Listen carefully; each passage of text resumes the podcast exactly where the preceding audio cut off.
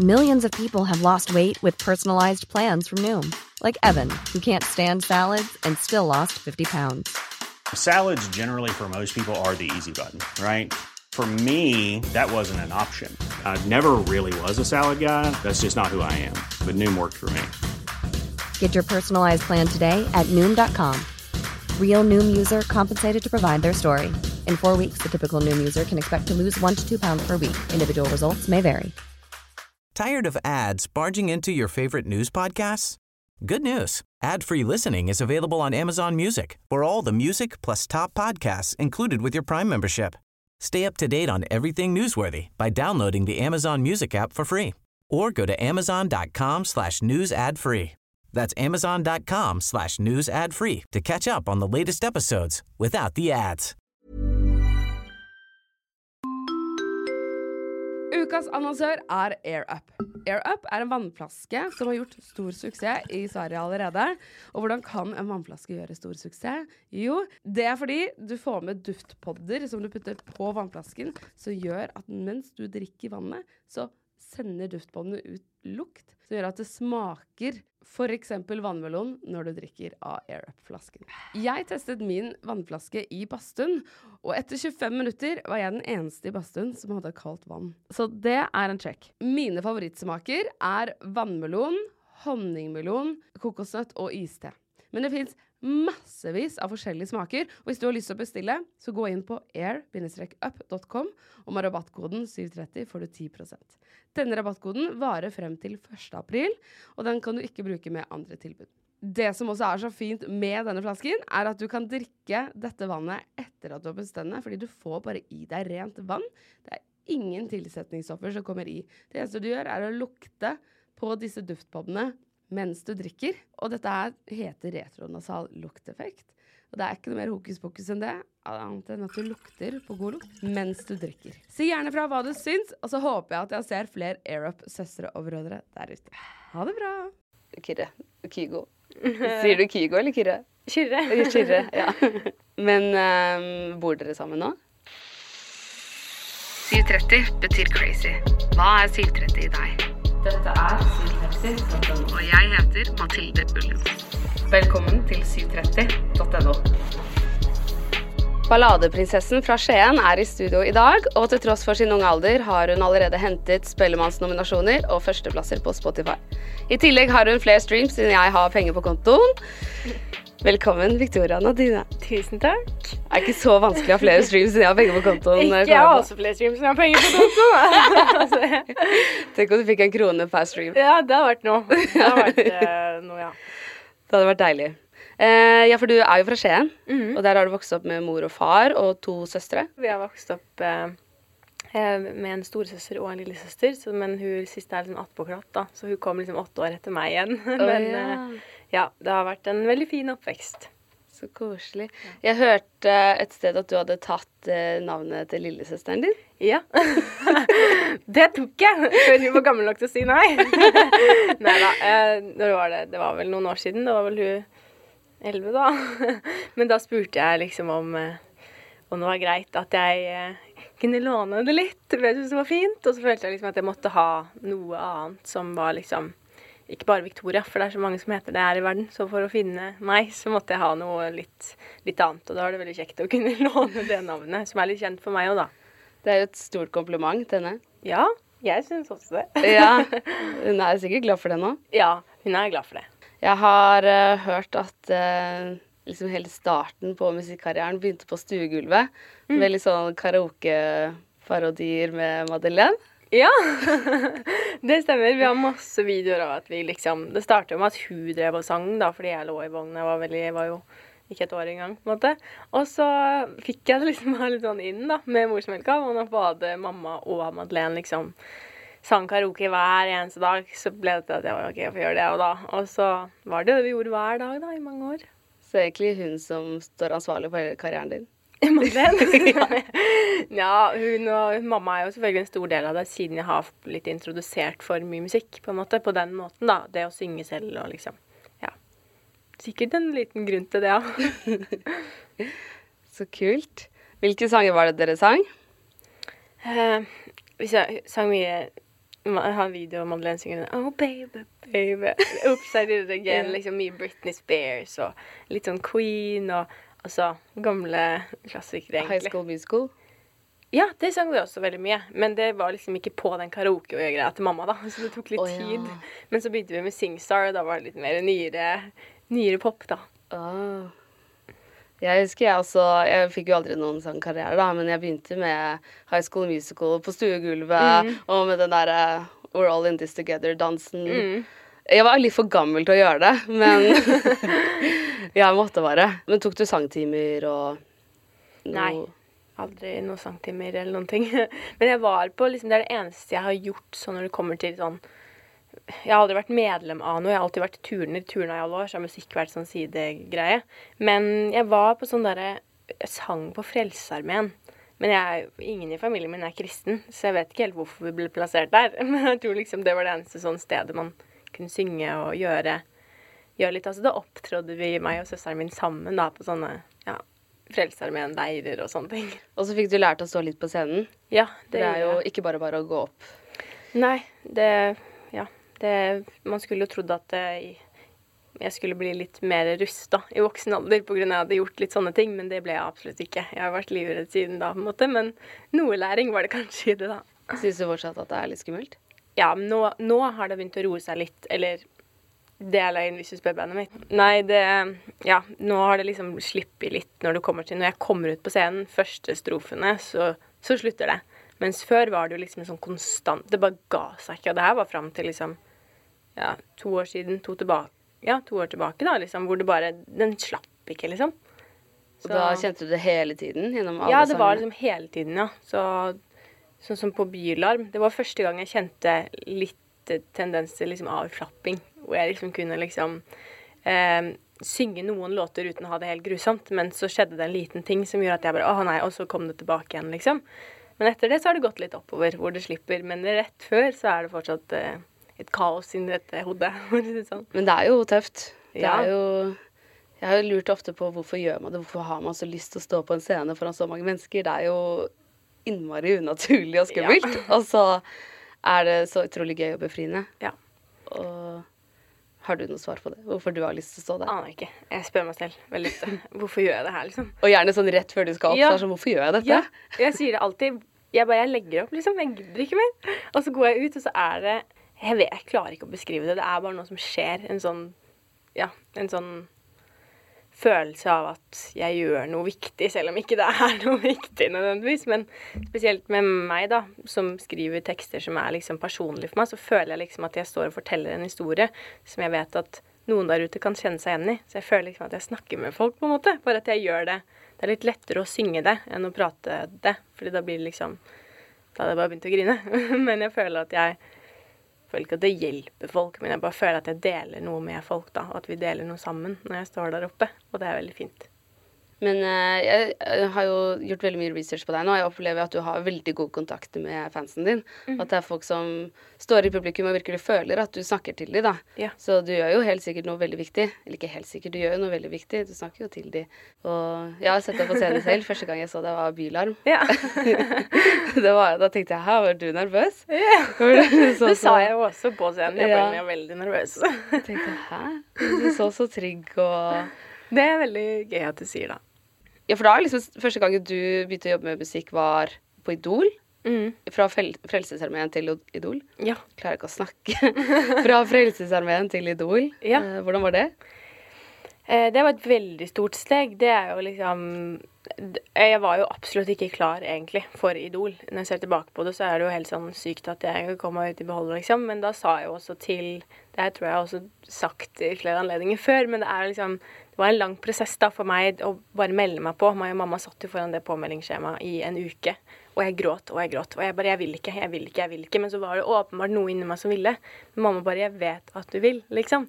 Men jeg hadde jo sagt Jeg hadde sett på Idol helt siden jeg var bitte liten. Og så sa jeg liksom alltid sånn Jeg skal aldri være med der. For jeg måtte bare liksom si det høyt, fordi jeg visste at jeg egentlig hadde skikkelig lyst. Men så var det noe inni meg som bare Det nederlaget, det takler jeg ikke. Fordi jeg var faktisk med på eh, MGP Lokal, en sånn der lokalkonkurranse eh, i Skien. Eh, det var kanskje for Grenland, da, for et litt større område. Men da var jeg med der. Så husker jeg han Per Sundnes var programleder. Og så var det liksom fem vinnere, da. Og da opptrådte jeg med min første låt jeg har skrevet. Eh, som 'Lost in New York City', for jeg ble borte i New York da jeg var liten. Og så skrev jeg den låta, og så fremførte jeg den, og da følte jeg at jeg la ut hele hjertet mitt, liksom. Og så vant jeg ikke, da. Og da, da sang jeg ikke. Det kom ikke et pip ut av den kjeften her på sånn to år eller sånn. Jeg bare Jeg skal aldri synge igjen, liksom. Og Per Sundnes var jo kanskje også den første sånn offentlige personen som jeg hadde forhold til, som jeg hadde møtt, da, liksom kjendis. Og så tenkte jeg at han skal stå der og rope opp og ikke si at jeg ikke vant. Det var liksom Jeg bare følte at nå er det over. Så da var det liksom det med Idol, det var jo bare sånn der det skjer, Da blir jeg knust igjen, og det tør jeg ikke. Men så var det liksom noen i meg som skjønte at nå er jeg på den alderen hvor det er enten nå eller aldri, da. Fordi det var litt yngre aldersgruppe når jeg var med sånn i Idol. Man merka at det ble Før var det litt eldre, men nå er det liksom yngre folk som er med. Og jeg bare kjente at det er nå. Og jeg bare De bare trykte uten at jeg så. Jeg bare, bare gjør det, liksom. Så det var, det var veldig Det satt langt inne. Så det var et stort sprang fra liksom det opplegget jeg var på før. Og jeg klarer egentlig ikke når jeg ser tilbake på det, å skjønne hvordan det gikk. Hvordan du turte. Ja, jeg skjønner det ikke i det hele tatt. Men det var så viktig for deg at du måtte bare gå, liksom, trosse den frykten og gå gjennom det. Ja, for jeg er jo alltid Jeg har vært sånn helt siden jeg var liten, også nå. Jeg er ikke sånn som liksom gir meg. Jeg kan være veldig sånn der Nei, jeg vil ikke, jeg skal ikke. Men så gjør jeg det for det. Hvis du skjønner. Jeg er sånn, sånn som kunne gått i mange mil og sagt sånn Nei, nå, nå gir jeg opp, nå gir jeg opp, nå gir jeg opp. Men jeg gir aldri opp, på en måte. Jeg bare har veldig mange meninger og følelser knytta rundt det og ikke ville, for jeg er alltid så redd for å skuffe meg selv, da. Men så til slutt så gjør jeg det jo. Men fallhøyden er jo dritstor. Men det er veldig modig da, å gå gjennom å være så redd for noe, og så bare driter du i det og gjør det likevel. Men uh, hva er det du gjør da, tankemessig? Sånn, hvordan går du gjennom en sånn prosess? Det vet jeg ikke. Det er bare alle mulige tanker surrer rundt i hodet mitt helt fram til jeg liksom ikke har noe mer å tenke på, nesten. Jeg bare liksom forbereder meg på liksom alltid alt det verste. Det var egentlig lært at ikke lønner seg. Jeg tror det lønner seg, men jeg bruker bare unødvendige timer og dager og måneder på å grue meg til noe som liksom kanskje går fint, da. Men så tenker jeg alltid at ja, ja, men det var bra jeg gjorde det, for hvis det hadde gått dårlig, så hadde jeg vært rusta. liksom. Så det går bare, det surrer bare veldig i hodet mitt. Jeg har hørt at Hvis du tenker det verste hele tiden, så må du jo Lide dobbelt. tenk, Gjør du det liksom for at OK, det er det verste, det er det verste, det er det verste. OK, men det er ikke så ille. OK, Nei, nei. kan overleve det, liksom. Jeg har opplevd dette, da kan jeg klare dette. Er det sånn du Jeg er på noen ting, men jeg tenker alltid sånn det er det verste som skal skje, og skjer det, da er jeg jo ferdig, liksom. så når jeg hopper inn så er jeg liksom sånn, føler meg helt naken, liksom. Da er det sånn herregud, dette kan gå galt. Men samtidig så er det en stemme i hodet mitt langt baki der som sier at det har jo aldri gått skikkelig galt hvor jeg ikke kom opp på beina igjen, så jeg vet jo det. Men i prosessen så tenker jeg jo at nå er det liksom enten-eller. Hva er det verste som kan skje? Folk glemmer jo også. Ja, det er noe jeg har prøvd å tenke på. At liksom, det er jo ting jeg har sett som er sånn Oi, det var jo helt sykt. Og så har jeg glemt det, så er det sånn Det bryr man seg ikke om lenger. Jeg prøver å tenke at jeg er ikke så jævla spesiell. Så folk tenker jo ikke at det på mine ting eller sånn sure tone det er i tre år etterpå, liksom. Det gjør det jo ikke. Så, men det er bare noe jeg må, må på en måte huske på, da. Men det er jo vanskelig, for det er jo noe du har kjempelyst til å gjøre, og så er det er frykten noen ganger litt større. Ja. Jeg kan kjenne på det selv også noen ganger. Jeg vil jo egentlig bare få tips. Hvordan du kommer deg gjennom ting. For det er masse, masse man har lyst til å gjøre, men så blir man så nervøs, man er redd for hvordan det skal gå. Så sammenligner man seg jo litt med hva andre gjør på scenen, og ikke hva, hvor de starter.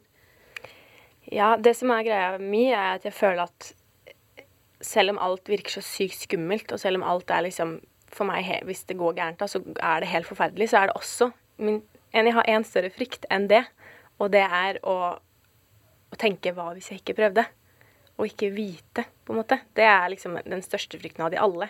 Så, når, så lenge den overvinner, så da fortsetter det jo, da. Da går det sin gang, liksom. Wow. Hallo, tenk om du aldri hadde meldt deg på Idol! Jeg vet det. Jeg vet det. det jeg klarer nesten ikke å tenke på det, for man vet jo aldri hvor man hadde vært i dag. Det gjør man ikke. Mest sannsynlig ikke her. Mest sannsynlig ikke. Eller Ikke kanskje enda, du hadde funnet en annen vei. Ja. Kanskje. Det er jo dødskult. Også fjerdeplass. Det er jo kjempebra. Ja, det er veldig rart. Jeg trodde jo ikke at jeg skulle gå videre på precast engang. jeg. Trodde ikke jeg skulle komme på TV engang. Så det Er det noen andre vi vet hvem er, som var med på den sesongen du var med på? eh, Torine Ja, var med. ja selvfølgelig. Også, men tror du, vet du hvor den frykten kommer fra?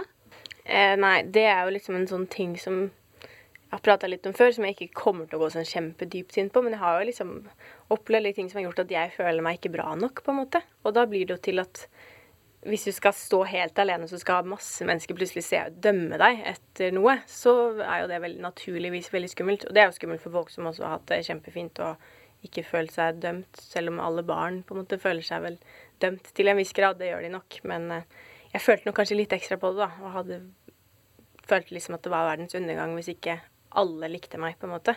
Så det sitter jo også igjen. Så det er jo den derre frykten for at noen skal liksom ha en mening som er negativ da, om meg. Som er egentlig teit og ubetydelig, men det, det sitter i på en, en, eller annen måte. I hvert fall hvis du har opplevd mye av det før, da. Ja. At folk har hatt en mening om deg, og folk har vært kjipe. Mm. Så er det jo ikke så rart at man tenker den veien. Nei. Men du får jo veldig mye positivt nå. Det gjør jeg, og det er liksom noe jeg jobber hver dag med å liksom ta til meg, da. Og prøve å tenke at folk sier ting fordi de mener det, og ikke fordi de skal prøve å være snille og få meg til å føle meg bedre. For jeg tenker jo liksom at eh, Men folk ser det jeg føler inni meg, så de prøver bare å liksom legge plaster på det og hjelpe meg. Men sannheten er de aner jo ikke hvordan jeg egentlig har det. Så de sier jo ting fordi de har lyst, og fordi de mener det. Må jeg prøve å si til meg selv, da. Ja ja, fremmede gidder sjelden å bruke mye energi Ja. på folk. Jeg tror til og med selv om de hadde visst at jeg hadde slitt litt og hatt det litt kjipt med meg selv, hvordan jeg føler om meg selv og sånn, så tror jeg ikke de hadde sagt noe annerledes heller. Jeg vet ikke. Men føler du føler deg litt dårlig noen ganger? Ja, jeg føler jo liksom Det har jo blitt mye bedre med årene, og det går selvfølgelig opp og ned, men det er jo noe jeg jobber med hver dag. Jeg har jo en eh, Jeg får jo høre det hver dag på jobb, på en måte, hvor kritisk jeg er til meg selv. Og det er jo veldig slitsomt å være Alle er jo kritiske til seg selv eh, mer enn noen andre er, og jeg tror liksom jeg jeg kjenner veldig på det, og jeg er veldig sånn Jeg skal alltid calle meg selv ut før noen andre gjør det. Jeg skal alltid, Nei, det var grusomt. Nei, nå sang jeg stygt. Nei, jeg, nå var jeg stygg. Nå jeg, liksom, jeg skal alltid liksom trykke meg selv ned før noen andre rekker å gjøre det, da, på en måte. Så det er noe jeg jobber veldig mye med. Å få liksom høre av folk rundt meg at liksom Nå må du ta deg litt sammen her for din egen skyld, liksom. Det må være veldig tøft. Det er ganske slitsomt, det er det. Men så er det, hjelper jo liksom å, å prate om det og liksom vite at man er ikke alene. Det er også mange andre som er harde mot seg selv, på en måte. Har du snakka med en psykolog om det? Ja, det, det har jeg. Men jeg føler liksom ikke at det har hjulpet så veldig mye. Jeg har prøvd litt forskjellig og litt sånn, fordi det som er mitt problem, jeg er veldig bevisst på liksom de tankene jeg har da på at nei, men det er feil, og man bør egentlig tenke sånn, og liksom Så jeg er veldig bevisst på det. Det er mer bare å koble det til det som faktisk skjer, da, og det som kommer ut av meg, liksom. Så Men jeg har prata med folk, og selvfølgelig, det hjelper jo også litt. Og ja, det, det gjør det. Og det hørtes tøft ut. Ja, veldig sånn dystert og sånn. Jeg har det veldig bra, altså. Det, men det er jo Ja. Det er jo fint uansett å, å prate om at det ikke alltid er like lett og feilfritt som det ser ut som utad, da. Liksom folk tenker at jeg sitter Når det, når det kommer til musikk, eksempel, jeg sitter backstage, bare koser meg med bandet og hva som skal på scenen når det vil, liksom. Så egentlig så sitter jeg der og er så nær og, f- og får så, så hardt panikkanfall at jeg faktisk må avlyse, på en måte. Men så går det liksom hver gang, da. Men ingen ser jo det, på en måte.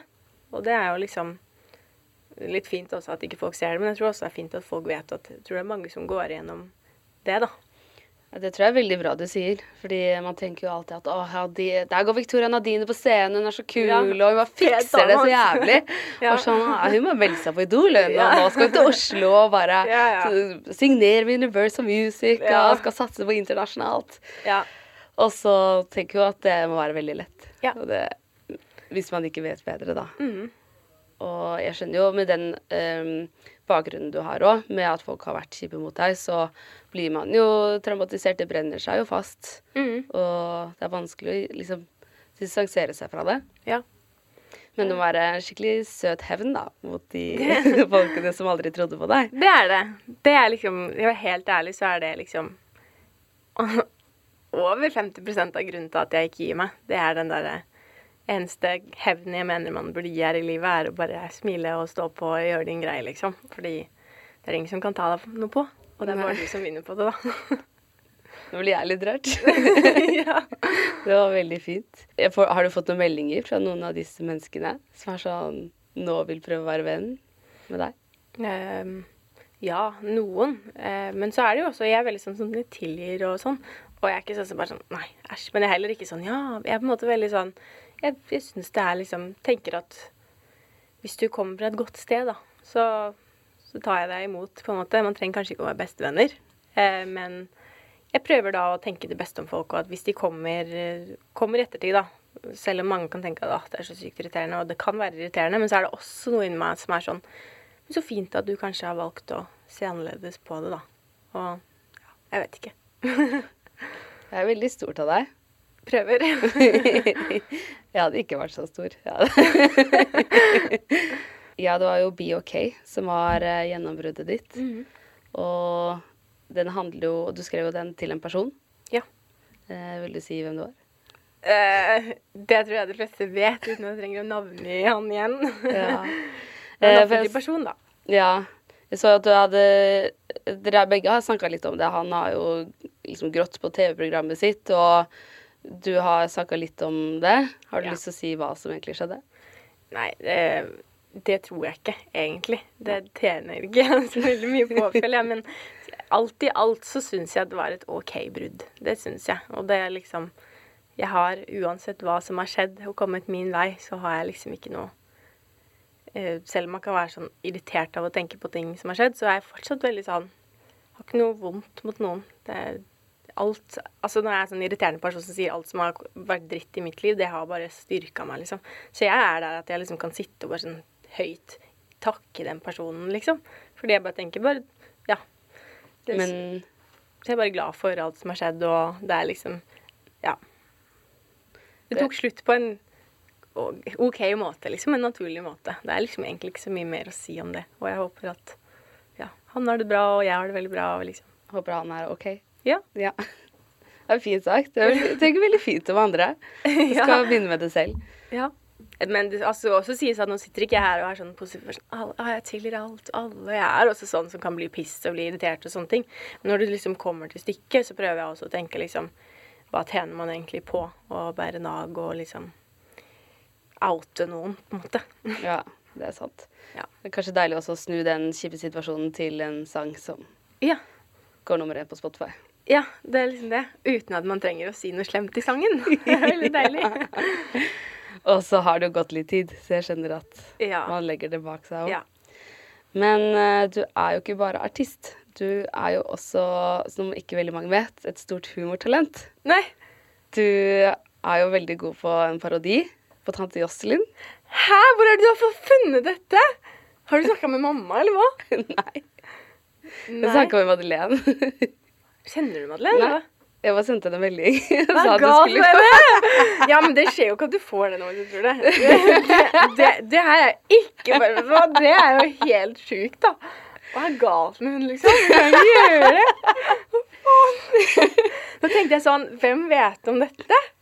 Men vet folk hvem tante Josselin er? Ja, Ja. Nei, men altså hun har mens. Hun har mens, ja. Det, men, nei, det, det klarer jeg ikke. Nei, nei, men jeg klarer ikke, liksom. Jeg får panikk. Men Alex det er veldig Kine, gøy da. at du vet om det. Alex og Kine. Klarer du fra Kongsvik? Nei, for jeg heller se om jeg finner noen videoer. Hvordan, har du sagt Kongsvik òg? Ja. Hva skjer her, liksom? Det er grunnen til at disse videoene er fjerna, for dette skulle liksom ikke komme opp. Det her har ikke du sagt til meg. Nei, jeg bare spurte henne om hun hadde en, Jeg rødmer litt, jeg. Hun spurte om hun hadde en fun fact. Og så var jeg sånn, trenger ikke å være noe Nei, men det er faktisk en fun fact. Kanskje en dag. En dag, OK, en dag. Jeg lover. Det skjer. Men uh, dette er mange år siden. Men jeg har alltid syntes det har vært veldig gøy å parodiere, liksom. Ja, parodiere generelt. Og Du har lage ikke lyst til å gjøre det på TikTok, da? Jeg har liksom tenkt på det, men så er det også sånn Åh, den har haten jeg kommer til å få, liksom. Går, Nei. jo, jo. Har du sett TikTok, eller? Er helt sjukt. Selv om, altså På et eller annet tidspunkt kommer jeg til å drite i det. Jeg syns jo det er kjempegøy. Men å, jeg ble veldig tatt på senga. For nå var jeg sånn Har hun sendt noe til deg nå, liksom? Nå var jeg veldig pingle. Som var sånn Nei, skjer ikke. Men eh, jeg prøver faktisk hver dag å finne litt tilbake til den morosiden min, på en måte. Før la jeg ut sånn Det var på Instagrammen min, liksom. Så jeg la det ut. Eh, men så ble jeg plutselig veldig sånn nå skal alt være liksom perfekt, og jeg skal vise meg fra den siden. Men nå er jeg litt lei av det, så nå jobber jeg meg ut. Så En komme litt tilbake til den andre. Ja. Ja. sånn, bare hvor man kan gi litt faen. Og Ja. være sånn OK, nå, dette syns jeg er morsomt nå, jeg bare filmer. Og så legger jeg det ut uten å tenke noe over det. Åh, det uten å redigere og klippe. Når du sier noe, det er bare sånn, det er drømmen min. Det var sånn, det var derfor jeg starta med Instagram og alt etter Idol. For det var, jeg koste meg så med det, liksom. Jeg er veldig sånn som har mye sånne rare innfall og gjør mye rart og sier mye rart og filmer det. Jeg bare jeg poster det ikke fordi jeg har skapt en sånn der fasade for meg selv som er veldig irriterende at jeg har gjort. Men eh, det, det har jeg gjort. Så nå prøver jeg liksom å bryte ut av den, da. Tror du ikke folk hadde syntes det var litt gøy å bli litt bedre kjent med deg? Jo, jeg tror det. Eh, det er bare den der frykten for liksom Selvfølgelig er det noen som kommer til å ha en formening om det, men det er, sånn, men det er, det er jo ikke de menneskene jeg vil ha på Instagrammen min eller i, i livet mitt uansett, på en måte. Men det tar jo litt tid når man først har bygd seg opp en sånn derre fasade. Og jeg tror også at det er veldig meg. Så hvis det kommer fram, og det blir hakka på, så er det veldig Eh, sånn Sårbart. Veldig sårbart, ja. Fordi selv om det er jo hver sin smak, liksom. Men når det er litt mer polert og sånn, så kan jeg i hvert fall tenke at ja, ja, men nå kjenner ikke du meg. Men hvis jeg viser enda mer av meg, meg, så er det jo litt sånn skummelt, da. Om folk har en annen mening om det, på en måte. Og det skjønner jeg. Ja. Det, jeg har lyst til det selv. Og sånn, ok, nå har jeg lyst til å legge ut mer eh, humor. Jeg er utdanna skuespiller og liksom, synes det, var- synes det er kjempegøy å stå på scenen. Men med en gang jeg begynner å redigere det, så er jeg sånn Å, fy faen, det her er jo ski... Nei, nei. Altså, bare får jeg angst og bare Ja, kaster mobilen ut av vinduet. Ja. det blir jo litt sånn. Jeg har faktisk prøvd meg på litt sånn eh, skuespill, jeg òg. Da har jeg også vært sånn litt sagt self-tape. Det er det verste som fins, liksom. Ja, det Og man blir jo bare mer og mer kritisk med årene også, så jeg er bare sånn Og hvis du skal se gjennom før du skal sende det Åh, Men hvis du er utdanna det også, og tenker sånn, ja, det, er jo ganske sykt, da. det var de pengene kasta ut av vinduet. Nei, men da får jeg meg egentlig bare til å tenke at de fleste tenker nok sikkert det. Ja, ja. Jeg tror vi, alle, vi er jo sånn, alle mennesker er jo liksom forventer liksom at første gang man gjør en ting, så skal det liksom være sykeste ever, da, på en måte. Men du er jo veldig åpen og sårbar i tekstene dine. Er det lettere å gjøre det med musikk enn å gjøre det på video, f.eks.? Ja, det syns jeg. Det er jo Ja, det er veldig mye lettere, fordi da kan man liksom pakke det inn, og så er liksom sånn alltid en liten sjanse for at folk tenker ja, men det kanskje bare ble skrevet fordi det rimte, da, ikke sant, eller fordi det passa inn, og ikke liksom sånn. Men hvis, man, hvis jeg skulle sitte og snakke om det, så hadde jo alle tatt alt veldig seriøst, på en måte. Så selv om folk vet at det jeg skriver, er liksom ekte, så er det noe Det skjuler seg bak fine melodier og liksom produksjon og alt annet, så det blir liksom ikke 100 fokus på Ja, man kan distansere seg litt fra Ja. det. Er det noen gang du gruer deg til å gå på scenen for å, fordi det er så, betyr så mye for deg, det du synger? Ja, det gjør det. En, liksom, en annen fun fact om meg, da, som ikke Madeleine har sagt. Nei da. Men det er ikke så fun fact. Men jeg er liksom sånn som kan grue meg veldig til å synge ikke bare mine egne låter, men også liksom låter som jeg kan kjenne meg igjen i fordi jeg er veldig lettrørt. Så jeg begynner å gråte. Så jeg sier nei til å synge bryllup og begravelser og sånn, fordi jeg hadde ikke klart det. Selv om ikke det er liksom noen jeg kjenner, men jeg bare Jeg, jeg lever meg for mye i det. Kunne ønske ikke jeg var sånn. Det er veldig slitsomt.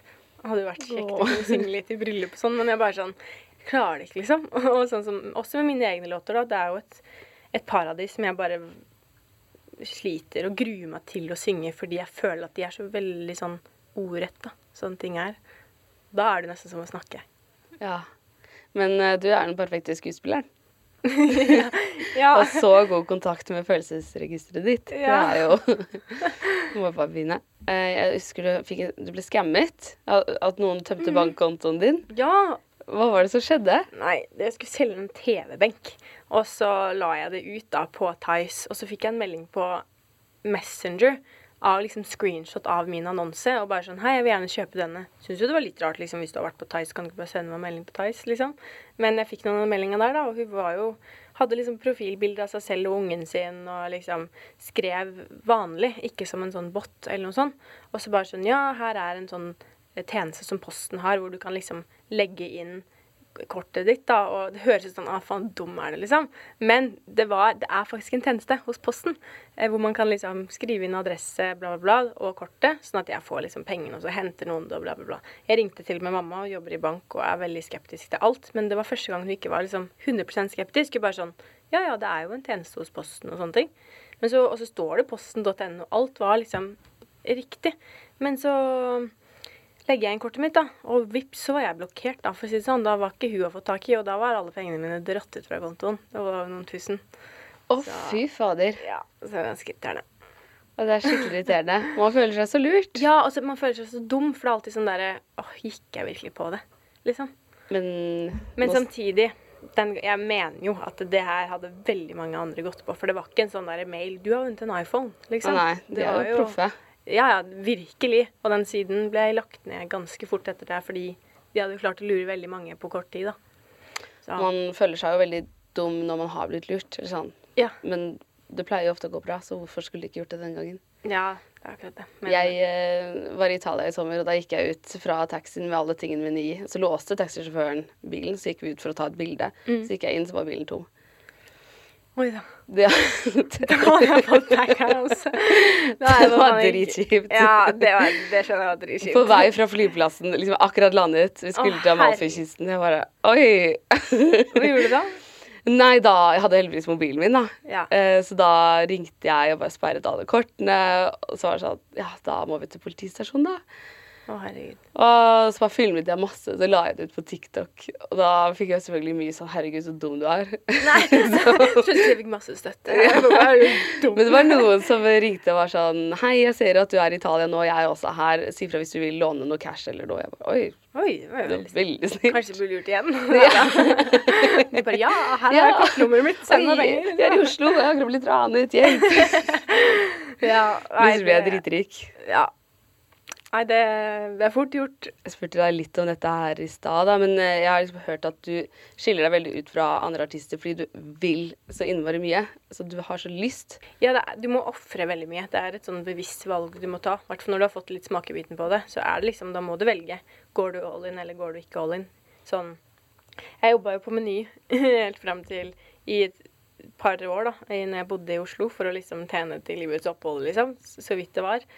Og etter BOK så var det jo ikke sånn at jeg ble millionær akkurat. Men samtidig, når jeg så at den rulla, så var jeg sånn Jeg slutter, liksom. Fordi da, da skjønte jeg at nå er det et veiskille her, liksom. Nå kan enten velge å gjøre det halvveis, eller så må jeg gå all in. Og så får jeg risikere å ikke spise, da, hvis det skjønner du. Men så har jeg jo vært heldig med familien. Jeg hadde jo aldri gått skikkelig ned. Da hadde jeg jo bare søkt igjen, på en måte. Men samtidig så må man ta noen sånne valg. Og det er ikke alle som tør å risikere ting som er, virker trygt, da. Men det, det gjorde jeg. Det tror jeg det man må for å leve med det her. Ja, det er modig. Jeg har også sagt opp jobben et par ganger, eh, sånn deltidsjobber, for nå er jeg sånn ah, Nei, fikk jeg den rollen her, det kommer til å gå. Mm. Og så bare Nei. og så må man tilbake igjen. Ja, men så lenge man går all in hver gang, så er det alltid sånn Hvis du gjør det nok ganger, da, så går det jo Da har man det jo i seg, det å faktisk gå all in. Jeg mener jo selvfølgelig med unntak. Det er veldig mange som kan drive med musikk og skuespill og jobbe på siden. Eh, som gjør det veldig bra. Så jeg skal ikke sitte og si her at ikke det gjør det. Men jeg har også veldig trua på de som faktisk bare lever for det. Det er dette her og ingenting annet. Fordi man finner alltid noe i mellomtiden man kan jobbe med, da. Istedenfor de åtte timene på Meny, da. På en måte. Ja. Så, så lenge man har et mål. Jeg hørte han som lagde Squid Game, han eh, pitchet den serien i ni år. Og bare var lutfattig før den plutselig ble noe. Og nå er jo han en av verdens største ja, serieskapere.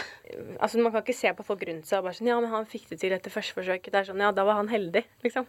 Eller etter andre eller tredje forsøk. Sånn, noen må prøve 20 ganger, og så er det liksom en gulrot igjen alltid, liksom. Da må man ville det nok, da. Har du noen tips til folk som har lyst til å gå samme vei som deg? Jeg syns det er så vanskelig, for jeg føler tipset er veldig sånn generelt. Men det er liksom å bare eh, ikke overtenke for hardt. liksom. Ikke liksom Hvordan skal jeg gjøre det? Skal jeg liksom Hvordan artist skal jeg være? Fordi som regel, hvis du ikke har begynt ennå, og du vil gå den veien, så vet man ikke hva man vil. Så du må bare begynne et sted. Og nå, altså dessverre, eller, eller heldigvis, jeg vet ikke, så TikTok da er jo en plattform man kan bruke.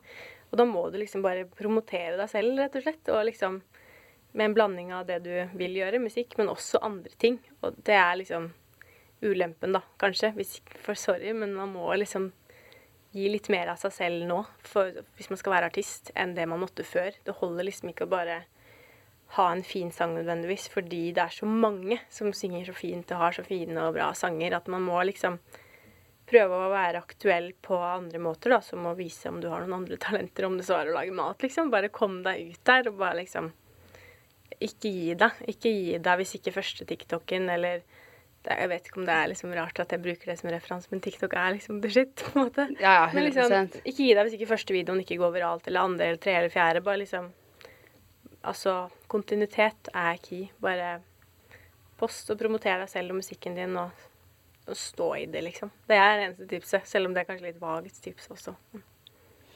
Og eh, i tillegg så har du skrevet sanger som ligger veldig nært hjertet ditt. Hva var eh, bakgrunnen for eh, Du er ikke alene? Eh, bakgrunnen for den var vel det starta med at jeg spilte i Skien, så var det en sånn derre Et arrangement på O'Learys i Skien hvor jeg skulle bli spurt om å spille noen julelåter da, for liksom folk som er ensomme eller som ikke er så glad i jul av ulike grunner. Så da spilte jeg der, og vi grua meg jo litt til det, på en måte. For jeg har, jeg har ikke vokst opp i et hjem hvor jeg er vant til det rundt meg. Så jeg grua meg litt til hvordan jeg skulle ta det. Og så huska jeg at det egentlig det var veldig koselig, men jeg tok det sånn psykisk ganske dårlig å se, se det, da, på en måte. Hvordan så mange mennesker bare i lille Skien liksom møter opp på et sted fordi de har det tøft i jula, liksom. Fordi man har mista noen, eller Det var jo mange ulike grunner. Så tenkte jeg mye på det. Jeg tenkte på det liksom, ja, da flere år da, eh, etterpå, og ble veldig sånn prega av det, egentlig. Og så har jeg vært sånn Skal jeg skrive om det? Det har jeg tenkt lenge, men så har jeg ikke tort, for jeg har vært Hvem er jeg til å prate, liksom? Hvem er jeg som har det veldig fint til å prate? Samtidig har jeg jo opplevd ting i jula, jeg òg, som ikke er relatert til dem. Sånn som for eksempel første juledag, da alltid grua meg skikkelig til det. Å feire første juledag, for da møter man alle liksom fra skolen. Og det har jeg alltid syntes vært skikkelig ubehagelig. Følt meg veldig ensom.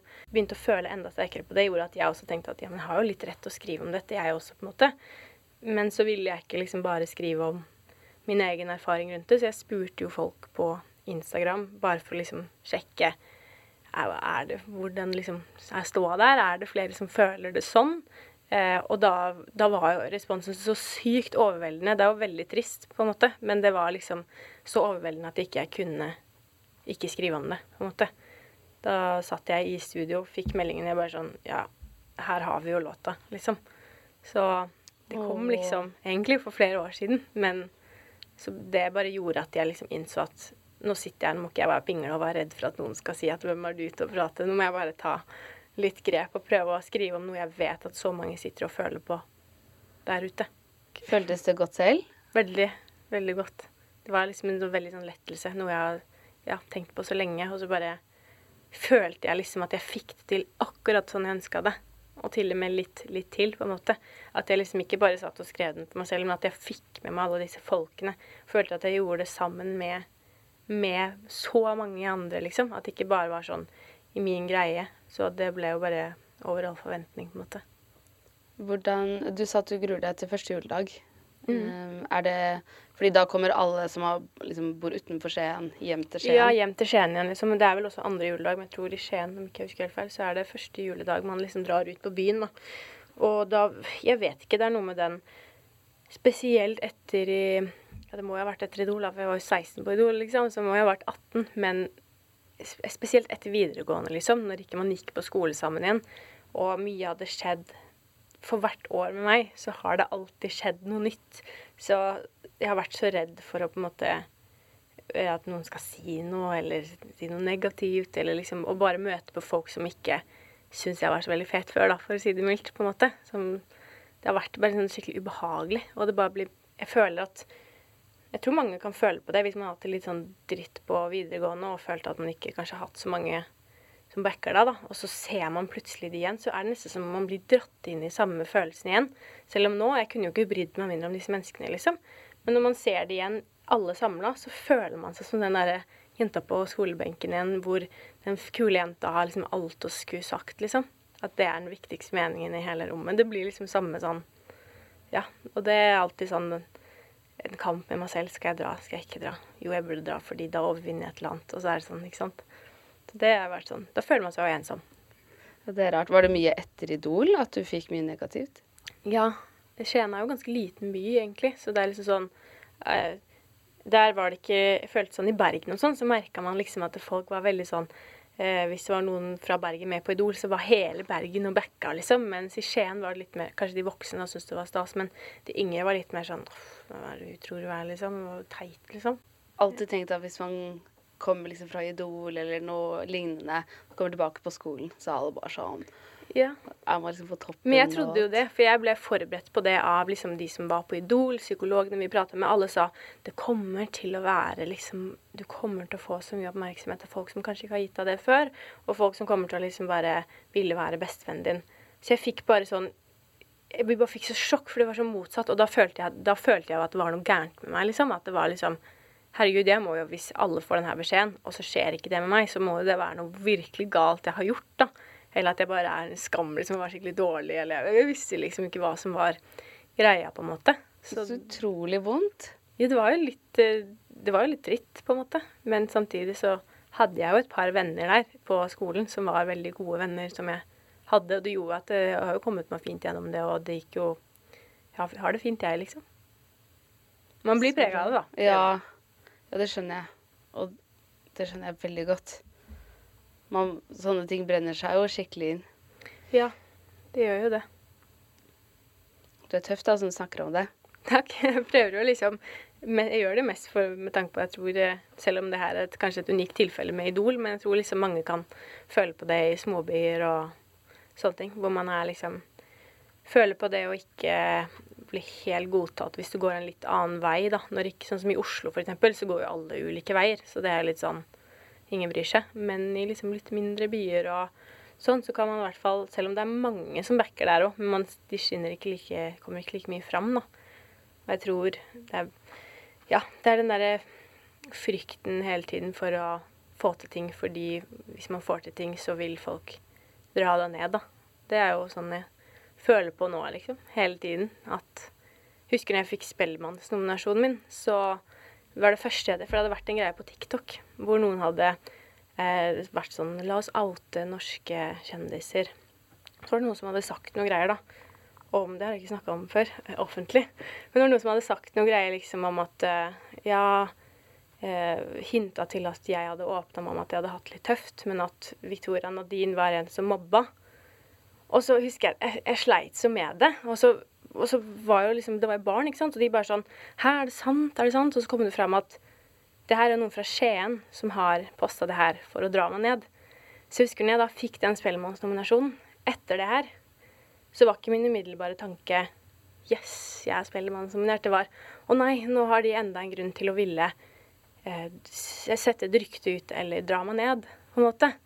Og det er liksom man, Det merker jeg veldig. At man nesten Det tror jeg alle i min posisjon kan kjenne seg igjen i. At man liksom tar opptur nesten som et nederlag. For man vil ikke være til bry for de som irriterer seg over at man får det til, på en måte.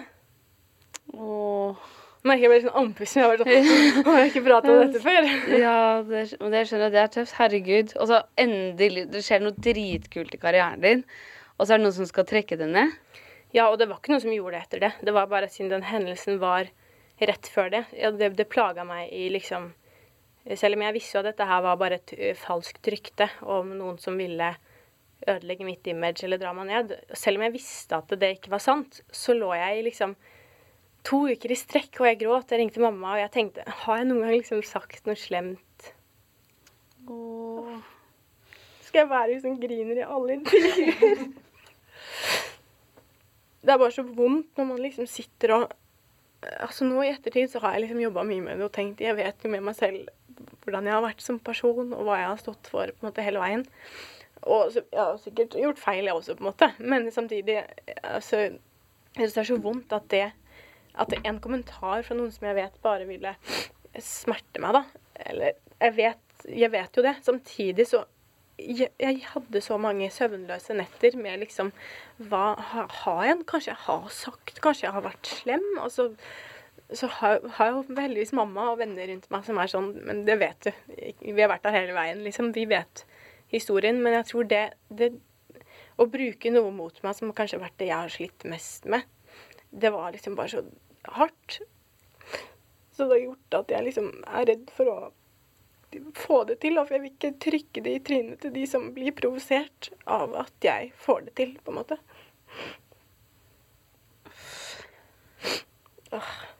Forferdelig å tenke sånn. Ja.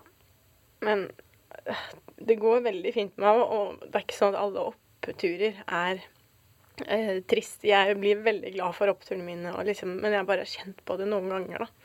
Og eh, spesielt sånne ting som en Spellemannsnominasjon. Det er veldig sånn, for det vet jeg at det kommer fram da, til de også, på en måte. Vi kan ta en liten pause hvis du vil. Nei, det går fint. Kjente at jeg hadde lyst til å styre inn på det, fordi jeg hadde tenkt på det så sykt lenge. Og jeg hadde så behov for å liksom si det høyt. Vi kan ikke ta Vi tar to minutter. Ja. Ja, ja, ja, vi gjør det, vi gjør det. Cool fact a crocodile can't stick out its tongue. Also, you can get health insurance for a month or just under a year in some states. United Healthcare short term insurance plans, underwritten by Golden Rule Insurance Company, offer flexible, budget friendly coverage for you. Learn more at uh1.com. Tired of ads barging into your favorite news podcasts? Good news. Ad-free listening is available on Amazon Music for all the music plus top podcasts included with your Prime membership. Stay up to date on everything newsworthy by downloading the Amazon Music app for free or go to amazon.com slash news ad free. That's amazon.com slash news ad free to catch up on the latest episodes without the ads. Hey, I'm Ryan Reynolds. At Mint Mobile, we like to do the opposite of what Big Wireless does. They charge you a lot, we charge you a little. So naturally, when they announced they'd be raising their prices due to inflation, we decided to deflate our prices due to not hating you. That's right. We're cutting the price of Mint Unlimited from $30 a month to just $15 a month. Give it a try at mintmobile.com slash switch. $45 upfront for three months plus taxes and fees. Promote for new customers for limited time. Unlimited more than 40 gigabytes per month. Slows. Full terms at mintmobile.com. All right, da fortsetter vi. Jeg må bare si at du er så modig og tøff, som tør å snakke så åpent og ærlig. Og det viser at du er mye sterkere menneske og mye modigere og finere enn alle som har gjort deg vondt. Takk. Og jeg er sikker på at det er veldig mange, inkludert meg selv, som er takknemlig for at du har lyst til å være så ærlig og åpen. Håper det. Og det å vise sårbarhet viser bare hvor utrolig sterk man er. Ja. ja. Hvordan føles det nå? Eh, Jeg vet ikke. Jeg det er litt skummelt, på en måte. Eh, Jeg pleier egentlig ikke å synes det er så skummelt. Jeg tror bare at eh, som regel så har jeg prata mye om en ting før, før jeg sier det, men nå fikk jeg et sånn innfall om at jeg bare ville si det. Så jeg har ikke rukket å lande på hva jeg egentlig føler om det, men til syvende og sist så tror jeg det egentlig føles godt, og jeg tror at det er noe jeg hadde gnagd på mye lenger, kanskje, hvis ikke jeg hadde sagt høyt hvordan jeg føler det, da. Om, og at jeg faktisk eh, Den situasjonen, da, har sikkert de glemt, men det preger meg liksom hver eneste dag, da. Sier litt om at folk trenger en påminnelse om hvordan man oppfører seg både Ja. på internett og ute blant folk. Ja. Det er aldri sånn som det ser ut, eh, på en måte. Så hvis du ser ut som at en person tåler veldig mye, og vi er mennesker alle sammen, så selv de sterkeste som man eh, utad, da, de tåler mindre enn man tror. Fordi mennesker er skjøre uansett hva man er rusta til, på en måte. Ja, livet er jævlig vanskelig, så hvorfor Ja. skal man gjøre det verre? Det er akkurat det. Du trenger ikke å gjøre Ingen livet mitt verre. Det er, sky, selv om det ser sånn ut. ja, det er tøft allerede. Ja, det er det. Ja, nå kom du jo ut med en ny låt på fredag. Mhm. Gratulerer så mye. Takk. Hvordan føles det?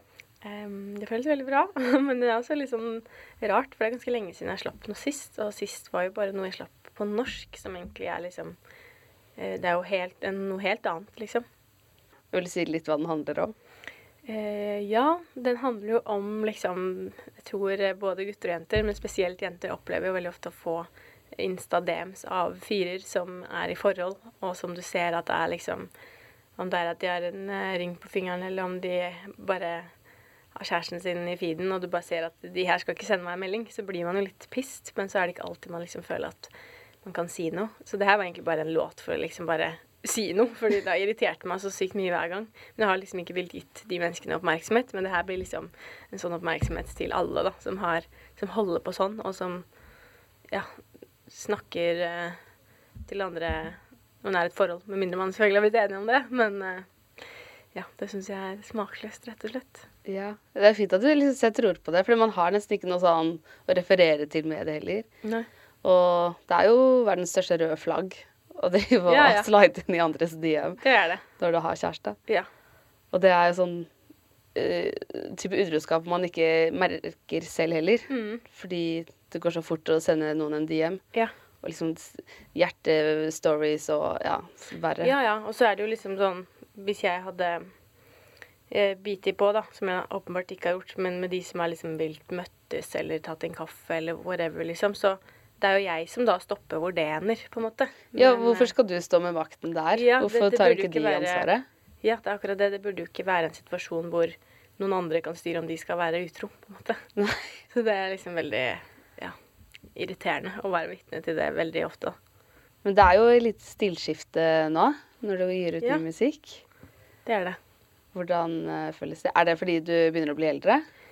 Eh, ja og nei. Egentlig liksom sånn Altså, neste låt blir nok en ballade, og så kommer det litt sånn opp til meg. Jeg tror det blir en liten sånn gradvis blanding, men jeg har også veldig behov for å, før det blir for seint, da, slippe noe som eh, også er meg, men som er liksom opptempo og litt mer trøkk i det, fordi det er jo meg, det òg. Uten at liksom Hvis jeg slipper fem ballader til, da, så blir det sånn Å ja, det er bare det du gjør, på en måte.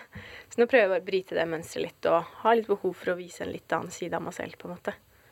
Jeg lurte lurt også på om du har lyst til å eh, lage en litt mer uptempo-låt. Med liksom musikkvideo med dansing og Eh, ja, selvfølgelig. Jeg har jo et par i hvert fall sånn på lager som jeg, som jeg liker litt, og jobber veldig med, med det. Så Oi, så spennende. absolutt. Men det må liksom fortsatt være meg, og passe liksom eh, ja, det jeg føler er rett. Så det Jeg kommer ikke til å rushe noe med den biten, men det, det kommer jo absolutt. Kommer det et album snart òg? Ehm, kanskje. det gjør jo det. Men eh, hvordan ja, For nå har du jo også signert med nytt plateselskap. Ja. Gratulerer. Takk. Det er stort. Ja, det er veldig stort. Og det i Norge og i Tyskland. Mhm. For det skal jo satses litt mer internasjonalt på deg. Ja. Det har vært Hvordan- målet lenge, det. Så det føles jo veldig bra. Ja, det skjønner jeg. Det er så kult. Ja, det er veldig gøy. Så får man bare Jeg er veldig sånn Ja, det er kjempekult, og bare det å i det hele tatt komme seg dit og bli signert av liksom Tyskland, da. Det er jo liksom kjempestort. Men jeg er ikke sånn som tenker at åh, ja, men da fikk jeg det til, da. Det er, det er heller Ja, men det er nå jobben begynner, på en måte. Så vi får, eh, vi får se, da. Men det er jo absolutt spennende å ha et større team i ryggen. Men det har vært veldig fint å ikke ha det fram til nå, men nå føler jeg liksom at jeg har behov for det, da. Ja, hvor ser du for deg at du kommer til å være om fem år? Aner ikke. Eh, Jeg har mange mål, mye jeg vil, men jeg vet ikke hvor jeg klarer å se for meg en. For jeg fortsatt veldig sånn Ja, sliter med å liksom tenke at jeg skal få det til, samtidig som at jeg sier at jeg må gi meg ikke før jeg får det til, på en måte. Men eh, jeg har et mål om å ha noen album ute, da, og at større deler av verden har kjennskap til musikken min, og ikke bare Norge. Og at det er litt plasseringer, om det er på Billboard eller om det er eh, Jeg syns det er bare rart å si det, fordi jeg tenker det kommer aldri til å skje. Men jeg skal ikke gi meg før det skjer, da. 730 har jo skrevet om deg jevnt og trutt siden du var 16. Ja. Uh, og vi har hørt at Kygo så deg først på 730. Gjorde han? Vil du si hvordan dere ble kjent? Uh, vi ble vel egentlig bare kjent fordi vi er jo i samme miljø, så Eller jeg visste jo åpenbart hvem han var, på en måte, men det er jo ikke gitt at han visste hvem jeg var. Men siden jeg driver med det jeg driver med, og var jo på topplisten en periode og sånne ting, så fant han meg jo, da. Via det og via liksom kompiser eller venner som visste hvem jeg var, og så ble det bare en sånn Ja, han vet hvem jeg er. Jeg vet hvem han er. Det ble litt DMs, da. Så tok det egentlig ganske lang tid før vi ble noe seriøst, fordi vi har jo begge hektiske liv, og jeg var liksom veldig Jeg skulle aldri ha kjæreste igjen, da, for å si det sånn. Jeg var ikke interessert i kjæreste på noen som helst måte, og var veldig lukka. Men eh, etter et halvt års tid så, så klarte jeg ikke å holde igjen mer, for da, da Ja. Han eh, var rett og slett eh, for god, da. Klarte ikke å holde igjen? Nei, eller sånn Ikke at jeg egentlig holdt igjen, kanskje ubevisst, men jeg var bare ikke åpen for noen ting. Jeg, jeg var liksom veldig sånn Hadde mitt liv, og han hadde jo også sitt, så det var liksom ikke noe som han tenkte på. Snakka litt, møttes litt, og så var det et lite opphold. Og så møttes vi igjen eh, i juni, og da var det liksom sånn Da skjedde alt egentlig veldig fort fra da, for det, da skjønte jeg liksom at Ja, ja, det det er jo han, på en måte. Og det skjønte han òg, tilbake. Så ble det oss, da. hyggelig. Ja. Eh, hvem var det som tok initiativet til å bli sammen? han. Men eh, det var jo ikke noe hemmelighet at jeg eh, Når vi ble kjærester, så var det ikke noe hemmelighet at det lå i kortene. på en måte. Eh, en fun fact om akkurat det der, som er eh, shout-out til Se og Hør. De er ikke så veldig pålitelige. Nei, da, jeg tulla. Men eh, når den saken kom ut eh, om at vi var liksom så kjærester, så hadde ikke vi hatt den praten. Så that's great, liksom. Så den tok det jo fint fra oss, da. Men eh, ja, det var eh, Og det sto også i den artikkelen at vi hadde vært på masse reiser sammen. eh, vi hadde ikke vært på en eneste reise sammen da, når den saken kom ut. Så Nei da, no hard feelings til de, altså. Men det, var, jeg synes det er en litt morsom detalj på at man skal fader ikke stole på alt man ser. men vi er kjærester nå, da. Vi var jo liksom på en måte det, men så Vi er jo sånn romantikere begge to, da, og så skulle jeg jo reise til LA, og jeg visste liksom at det skjer nok på den reisa, men så ble jo det liksom litt tatt fra oss, liksom. Så utrolig rart å lese i Se og Hør at man er Kjærester, før Ok, Er vi? Vi var faktisk på FaceTime når det skjedde. Vi bare sånn OK, det er greit. Det var bare så vi bare skyve skyvde det litt under teppet, fordi vi, vi ville jo ikke at det skulle bli sånn OK, da er vi det, da. Det er jo ikke så veldig søtt. Nei. Men uh, heldigvis så er vi veldig trygge på hverandre og har det veldig fint, så det var jo ikke noe ødeleggende. Men det kunne jo vært det. Virkelig. Men uh, det er bare en fun fact om at når, når alle trodde de visste at vi var kjærester, så var vi ikke det. Morsomt å lese at man er sammen uten at man vet det selv. Ja. Bare, oh, ja. Men selvfølgelig, det vi, vi var jo liksom det. Men uh, noe med det å kunne få gjøre det litt selv, da, uten at noen skal blande seg, på en måte. Det hadde jo vært fint. Ja, å kunne gjøre den historien litt sånn privat med hverandre. Ja. Men hvordan tror du Se og Hør fikk vite det? Nei, det sto jo liksom sånn basert på anonyme nettsider. Altså, hvis du snakker om Jodel, og du tar fra det, så er det, det deres problem, tenker jeg. Det sier jo seg selv, da, at det er litt spesielt. Men jeg tror det bare var det. Um, men man må vel kanskje ha en, en mer sikker side for å kunne skrive, kilde for å kunne skrive om det, men det var jo bare tull, det som sto der. Det var ikke noe hemmelighet at vi var en greie, men at vi har vært på masse reiser sammen og sånn, det er jo veldig interessant at man kan skrive det uten at det er noe sannhet i det. Um, for det kan jo potensielt være ødeleggende. Jeg tror de har mye kunstnerisk frihet der borte. ja, jeg merker det, da. Det var koselig, det, da. Ja, de, de har skrevet at Julianne Snekstad hun har også vært der, at hun eh, er gravid, og eh, hun bare Hæ, er jeg? Er jeg? det visste jeg ikke.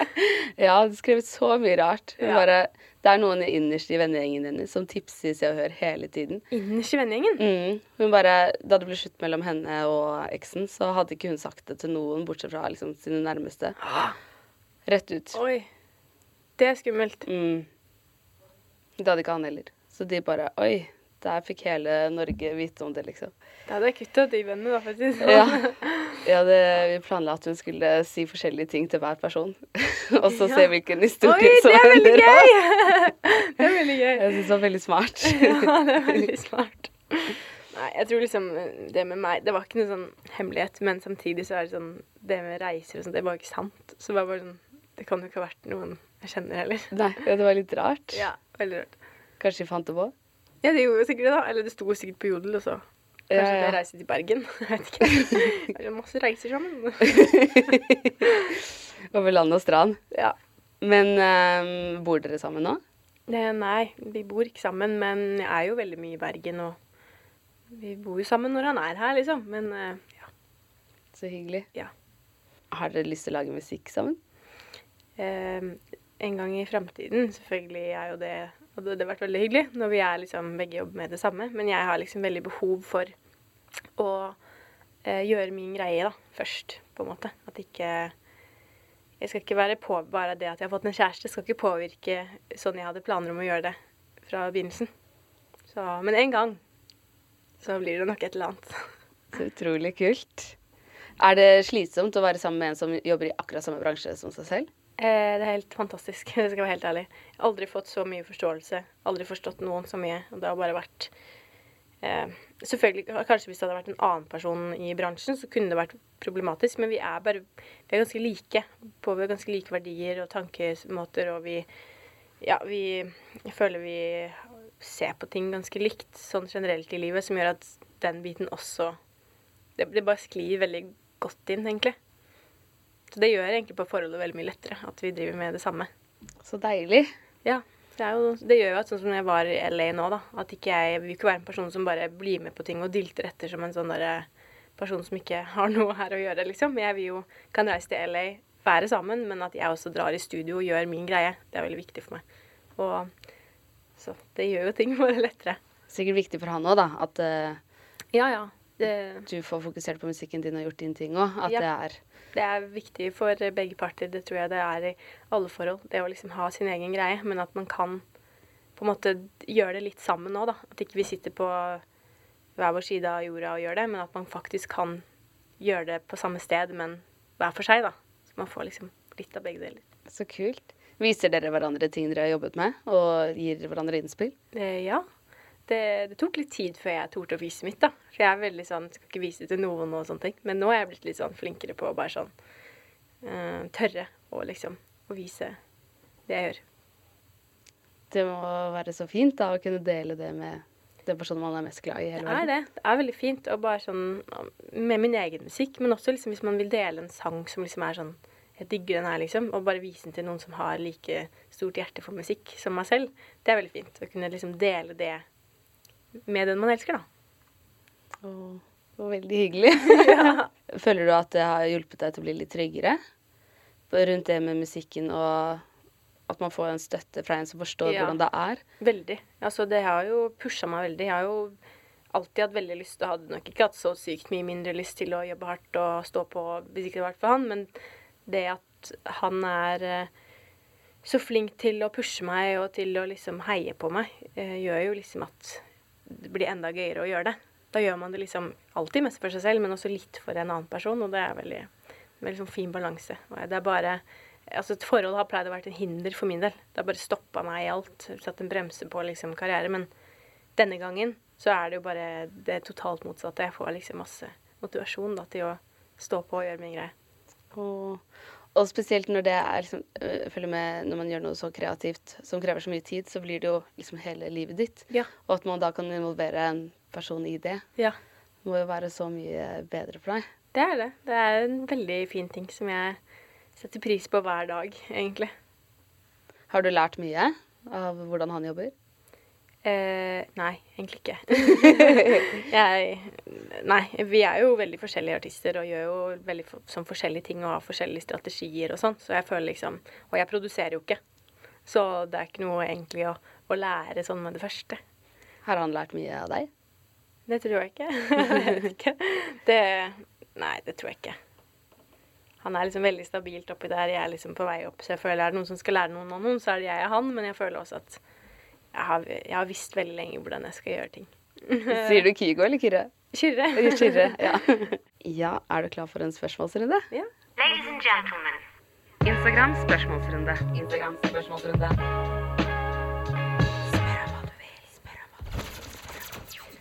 Hva har størst verdi for deg i livet? Familie. Hva er ditt beste minne?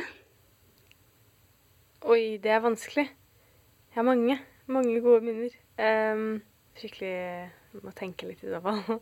Mitt beste minne. Er det normalt å bare ha sånn én ting som er bare det? Har du det? Nå skal du høre. Nei, jeg har ikke noe Nei.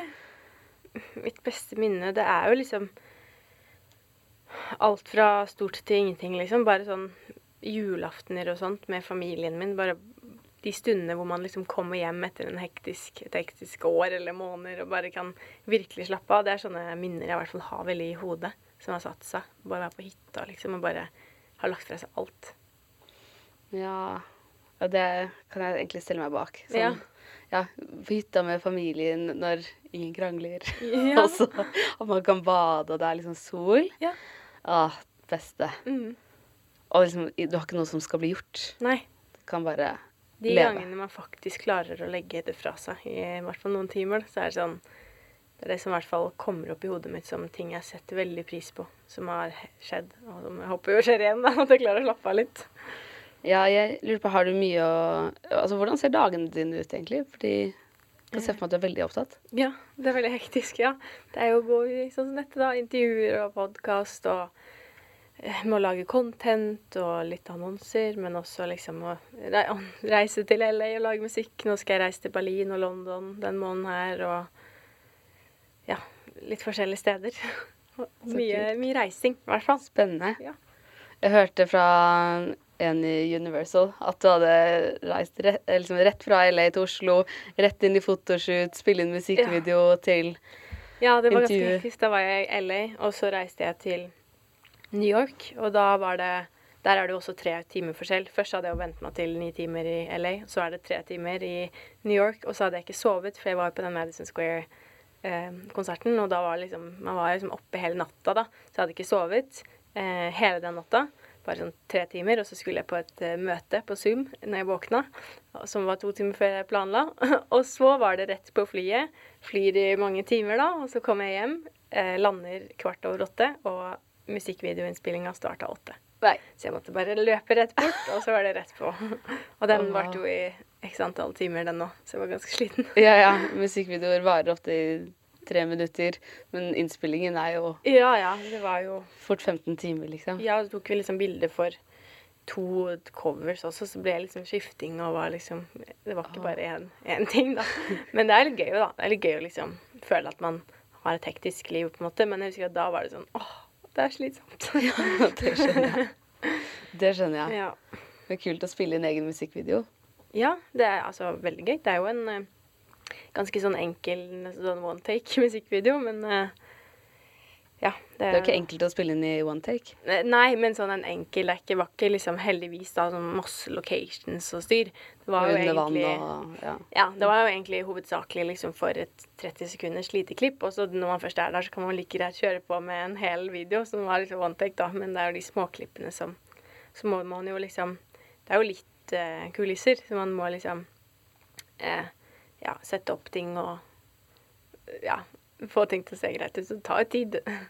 Hva setter du pris på hos et annet menneske? Bare sånn generelt et annet menneske. Eh, ærlighet. Eh, hvordan og hvem skal du feire jul?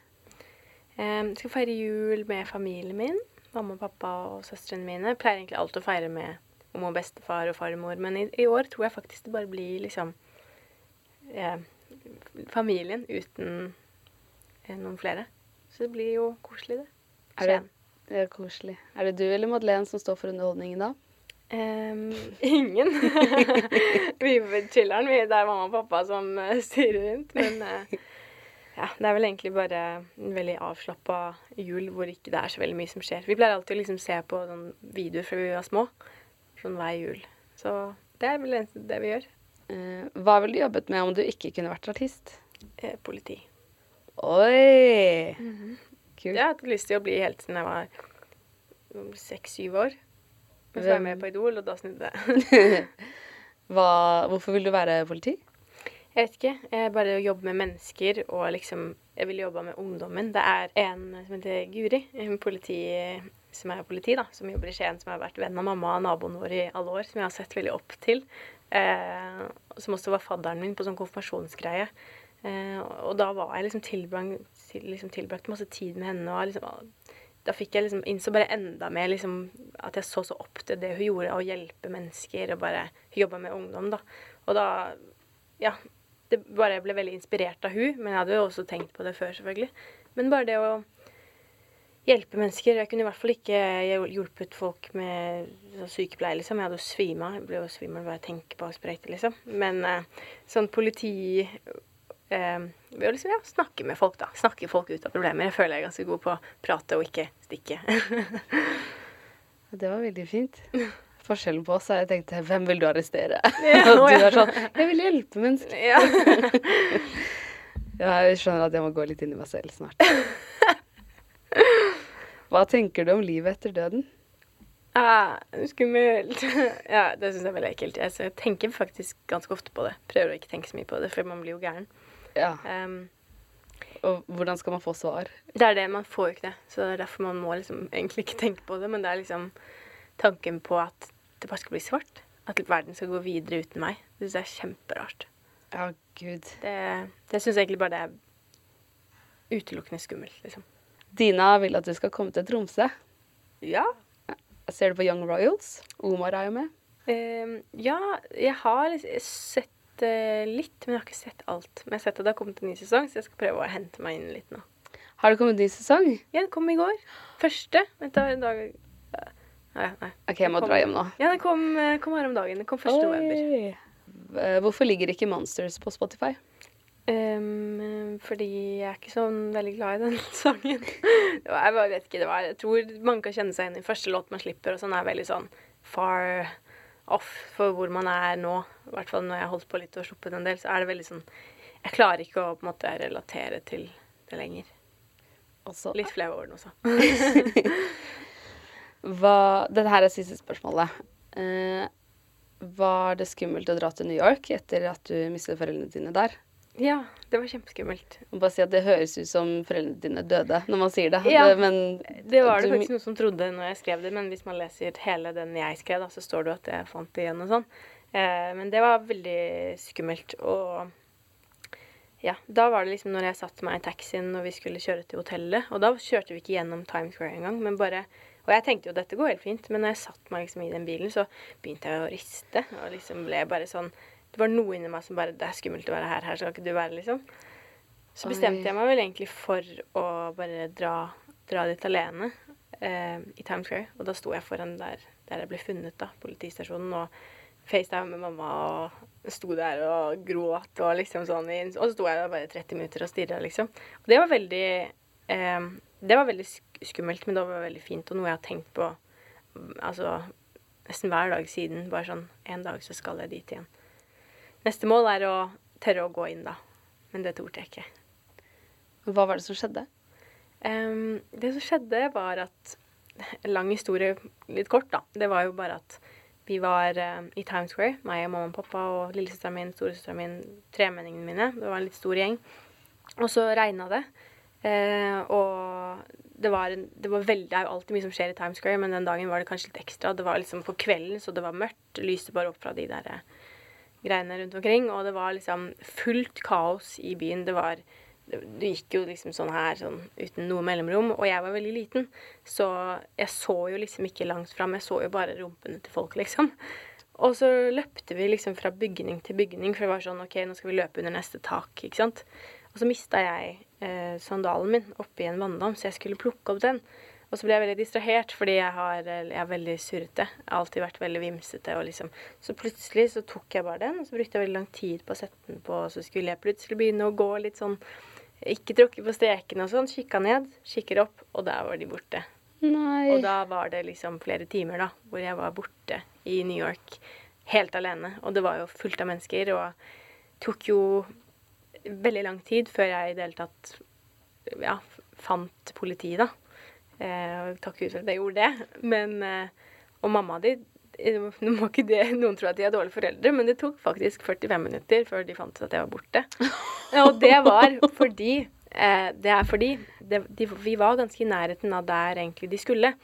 Og det var jo mange barn, og jeg ligna også veldig på tremenningen min. Så de liksom så ja, ja, der går barna, liksom. Og mamma holdt meg egentlig alltid i hånda, så det er egentlig litt sykt at det skjedde. Så lekte vi lekte alltid i heisen. Eh, og da hadde jo de venta på mat Altså foreldrene bestilte jo bare mat til barna, og vi lekte jo heisen. Eller ikke jeg, da, men de trodde jo det. Så kommer de tilbake etter da 45 minutter, da. Og de bare Ja, Victoria, da? De bare Victoria er ikke med oss. De bare sånn Slutt å tulle, liksom.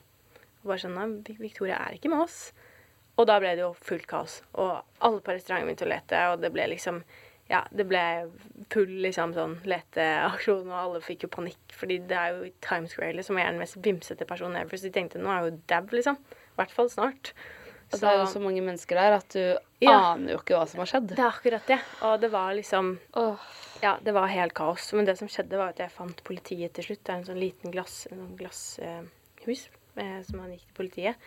Og så eh, til slutt så Altså, det er jo mange ting som har gjort at det, man faktisk fant det til slutt, men og ting kunne jo også skjedd lettere, men det som var mamma de hadde lagt igjen telefonene på hotellet, og jeg visste ikke at man skulle si pluss 47 før jeg ringe noen i Norge, og det var liksom masse greier. Men så til slutt, da, så endte det med at man fant ut hvor jeg var, hvor de var.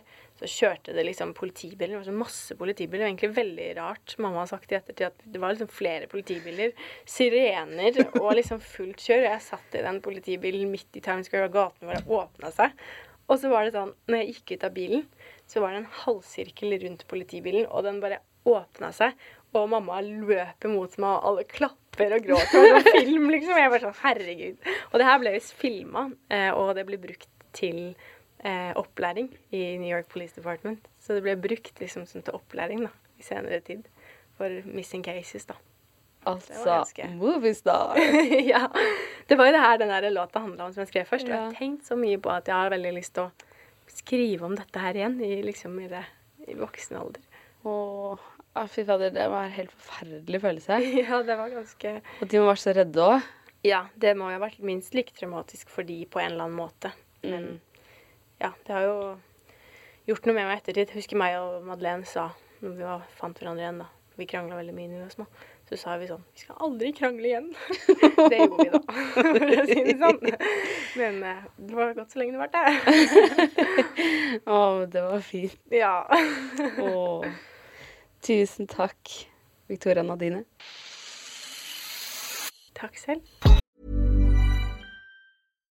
The number one selling product of its kind with over 20 years of research and innovation. Botox Cosmetic, out botulinum toxin A, is a prescription medicine used to temporarily make moderate to severe frown lines, crow's feet, and forehead lines look better in adults. Effects of Botox Cosmetic may spread hours to weeks after injection, causing serious symptoms. Alert your doctor right away as difficulty swallowing, speaking, breathing, eye problems, or muscle weakness may be a sign of a life threatening condition. Patients with these conditions before injection are at highest risk. Don't receive Botox Cosmetic if you have a skin infection. Side effects may include allergic reactions, injection site pain, headache, eyebrow and eyelid drooping, and eyelid swelling. Allergic reactions can include rash, welts, asthma symptoms, and dizziness. Tell your doctor about medical history, muscle or nerve conditions including ALS or Lou Gehrig's disease, myasthenia gravis, or Lambert-Eaton syndrome and medications, including botulinum toxins, as these may increase the risk of serious side effects. For full safety information, visit BotoxCosmetic.com or call 877-351-0300. See for yourself at BotoxCosmetic.com. Tired of ads barging into your favorite news podcasts? Good news. Ad-free listening is available on Amazon Music for all the music plus top podcasts included with your Prime membership. Stay up to date on everything newsworthy by downloading the Amazon Music app for free or go to amazon.com slash news ad free. That's amazon.com slash news ad free to catch up on the latest episodes without the ads.